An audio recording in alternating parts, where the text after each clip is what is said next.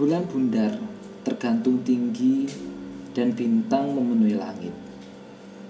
Namun, di dalam sungai bintang ada sembilan warna cahaya yang tersisa di antara mereka, dan itu sangat menyilaukan. Tanda-tanda abnormal muncul di langit, yang berarti tubuh ilahi akan turun. Di puncak kota kekaisaran di sembilan provinsi, seorang laki-laki tua dengan pakaian emas berdiri dengan tangan di belakang punggungnya, dan dia sedang melihat ke langit malam di belakangnya ada puluhan ribu ahli Imperial City. Semuanya setengah berlutut, seolah menunggu perintah. Tiba-tiba, lampu tersebut memadat dan membentuk petir sembilan warna. Itu datang dari atas sungai bintang dan langit. Saat itu, malam hitam menjadi hari putih Bahkan sebelum sambaran petir, tanah sudah bergemuruh dan bergetar hebat. Tapi petir sembilan warna itu saat itu bertabrakan dengan tanah. Itu tidak melakukan kerusakan yang menakutkan. Sebaliknya, itu benar-benar menghilang. Pada saat yang sama, dunia sekali lagi diselimuti oleh malam Langit malam yang awalnya cerah menjadi agak gelap.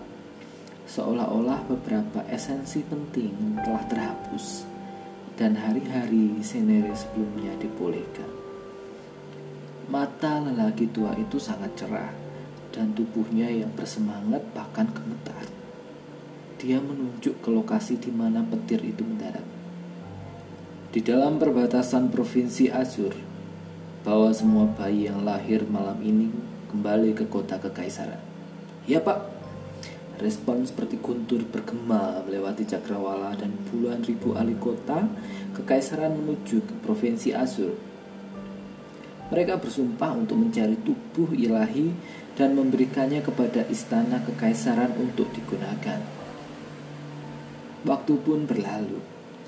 Lima tahun telah berlalu dengan sekejap dan meskipun orang-orang masih mengingat pemandangan menakutkan tahun itu, tidak ada yang tahu tindakan istana kekaisaran.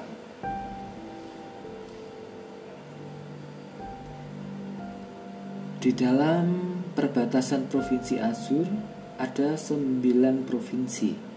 Di antara sekolah yang telah terhitung jumlahnya, sekolah Azur Dragon adalah salah satunya hari ini sekali lagi ini adalah rekrutmen murid tahunan untuk sekolah Asur Dragon. Ada lautan manusia di luar sekolah. Setiap saat orang tersibuk adalah murid pelataran luar. Semua tanggung jawab penerimaan sekolah semua didorong ke kepala mereka. Murid pengadilan luar mereka adalah orang-orang yang melakukan tugas-tugas yang sulit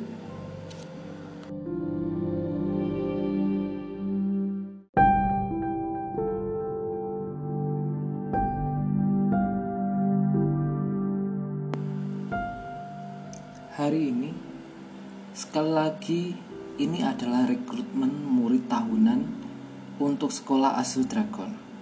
Ada lautan manusia di luar sekolah setiap saat, orang tersibuk adalah murid pelataran luar. Semua tanggung jawab penerimaan sekolah semua didorong ke kepala mereka. Murid pengadilan luar, mereka adalah orang-orang yang melakukan tugas-tugas yang sulit dan tanpa pamrih. Tidak hanya posisi mereka yang paling rendah di sekolah, mereka bahkan dipandang rendah oleh orang luar. Alasannya sangat sederhana jika mereka adalah murid pelataran luar, itu berarti bakat mereka mengerikan dan sepanjang hidup mereka akan sangat sulit bagi mereka untuk memiliki prestasi besar. Jadi ya wajar saja mereka dihina. Oi, ada apa dengan sikap ini? Apakah kamu tahu siapa saya? Seorang wanita yang mengenakan pakaian cantik, memiliki memiliki seorang anak laki-laki bersamanya saat dia menunjuk dan dengan keras berteriak kepada seorang pria muda. Saya sangat minta maaf. Sekarang sudah larut dan sekolah akan segera tutup. Silahkan kembali besok. Wajah lembut pemuda itu masih muda dan lembut, tetapi di antara alisnya dia memiliki sedikit jiwa heroik. Dia disebut Jung Feng. Dia berusaha, berusia 15 tahun dan dia adalah salah satu dari puluhan ribu murid pelataran luar di sekolah Asur Dragon. Meskipun dia adalah murid pelataran luar, Jung Feng ber berbeda dari yang lain. Dia tidak merasa rendah diri dengan orang lain dan dia tidak merendahkan dirinya sendiri. Dia tidak merasa takut atau takut saat memperlakukan orang lain dan dia sangat tenang. Kembalilah besok kamu pikir aku idiot? Ini gunung-gunungnya. Di mana kamu bahkan akan membiarkan kami tidur? Kamu harus mengatur tempat tinggal untukku. Atau aku akan pergi mencari orang yang lebih tua untuk mencari alasan. Wanita itu tidak mendengarkan dan tidak peduli.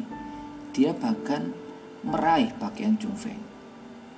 Chung Feng, apakah kamu menemui masalah? Tapi tepat pada saat itu suara merdu bisa terdengar. Melihat ke arah itu, seorang wanita muda yang mengenakan pakaian ungu sedang berjalan mendekat. Meskipun ada senyum tipis di mulutnya, matanya tajam, dan mereka menatap wanita itu dengan ketat. Saat dia melihat wanita muda itu, warna wajah wanita itu langsung berubah dan ekspresi ketakutan yang kuat muncul. Itu bukan karena hal lain, itu hanya karena perempuan muda itu mengenakan jubah ungu. Dan itu adalah tanda dari murid batin. Wanita itu secara tersembunyi mengutuk. Dia awalnya mengira dia bisa menggunakan statusnya untuk mempersulit pemuda di depannya.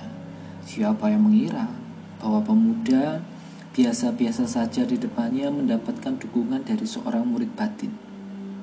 murid batin adalah ekstensi yang tidak bisa dia ganggu. Bukan apa-apa, bukan apa-apa. Aku hanya menanyakan beberapa hal darinya. Wanita itu menjelaskan sambil tersenyum. Wanita muda itu melototinya hanya mengatakan satu kata. Nyala.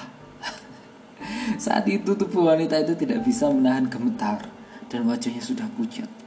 Tapi dia sama sekali tidak ragu dia menarik bocah itu dan dengan cepat pergi. Dan dibawa kepanikannya dia bahkan tersandung. Ia membuatnya terlihat sangat kasar. Melihat itu Juven tanpa daya menggelengkan kepalanya dan berkata dengan sopan kepada wanita muda di sebelahnya. Terima kasih banyak, Juyu. Tidak, tidak, hmm, tidak perlu begitu sopan. Kita keluarga kan? Juyu sedikit tidak senang. Dia benar, mereka memang keluarga. Mereka berasal dari keluarga yang sama, keluarga Ju. Juyu adalah sepupu Ju Feng dari garis saudara ayah Ju Feng dan dia hanya satu tahun lebih tua dari Ju Feng. Namun Juyu sudah lulus ujian murid batin tiga tahun lalu dan menjadi murid batin. Dia sekarang berada di dalam di alam roh tingkat 4. Kita harus mengikuti aturan sekolah, kata Ju Feng dengan senyum cemerlang. Catatan, apa yang dimaksud dengan mengikuti aturan sekolah adalah menghormati orang yang lebih tua sebagai murid pelataran dalam, murid pelataran luar. Melihat Juve yang berperilaku seperti itu, hati Juve sakit. Juve, apakah kamu masih tidak akan berpartisipasi dalam ujian murid batin tahun ini? Atau apakah Anda masih belum mencapai alam roh tingkat 3? Juve tidak menanggapi dan senyum tipis masih menggantung di wajahnya. Tidak ada yang tahu apa maksudnya. Melihat itu, Juyu melepas tas dari pinggangnya dan meletakkannya di tangan Junfeng. Perbaiki itu. Mungkin itu akan membantu Anda menembus level 3. Juve membuka tas itu dan seketika energi spiritual yang kuat dipancarkan darinya. Saint Spirit Grass yang cerah, berkilau, transparan, seukuran jari diletakkan di dalamnya. Juyu, ini terlalu berharga. Saya tidak bisa menerimanya. Jung Feng buru-buru mengembalikannya ke Juyu. Science Spirit Grass itu seperti obat mujarab untuk melatih bela diri dan itu sangat berharga. Itu memiliki kegunaan tak berujung bagi mereka yang berada di dalam roh. Untuk meningkatkan kecepatan pelatihan mereka, keluarga Ju akan melengkapi satu Science Spirit Grass kepada anggota keluarga Ju setiap tahun. Ju juga dilengkapi oleh keluarga, tapi dia tidak menggunakannya dan memberikannya kepada Ju Feng. Itu benar-benar menggerakkan Ju Feng jadi dia benar-benar tidak menerimanya. Ketika saya mengatakan saya memberikannya kepada Anda, Anda harus menerimanya. Kamu adalah adik laki-lakiku. Juyu sedikit kesal. Oh, kapan Anda begitu murah hati dan bahkan mulai memberikan saya spirit keras kepada orang-orang? Dengar, aku juga adikmu dan secara kebetulan aku hampir bisa menerobos ke alam roh tingkat 4. Bagaimana kalau Anda memberikannya sains spirit grass kepada saya? Seorang pria muda sesuai seusia Jung Feng berjalan dan ia juga mengenakan pakaian para murid pelataran inti. Dia dipanggil Ju Zhen dan dia juga dari keluarga Ju. Lima tahun lalu dia memasuki sekolah Asur Dragon pada saat yang sama dengan Jung Feng namun dia menjadi murid batin dua tahun lalu. Jusen, Anda telah menebus alam roh tingkat tiga dan berhasil memadatkan energi spiritual.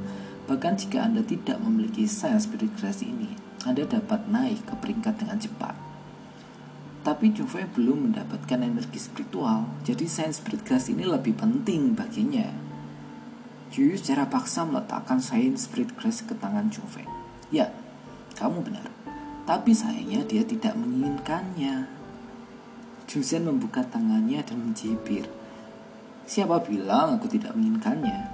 Tapi kemudian Juven tersenyum ringan dan tanpa terkendali masukkan sains spirit kerasnya ke sakunya sebelum berkata, Juyu, saya akan meminjam sains keras ini. Di kemudian hari saya akan mengembalikannya dua kali lipat. Hmm, oke. Okay. Melihat bahwa Juve menerimanya, Juyu sudah senang. Jadi dia hanya menjawab secara acak dan tidak peduli apakah Juve akan mengembalikannya atau tidak.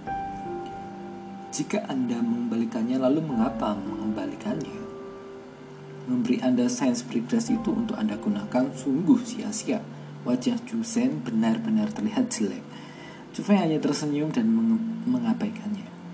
Dia kemudian berkata kepada Juyu, Juyu, saya akan berpartisipasi berpartisipasi dalam ujian murid batin tahun ini.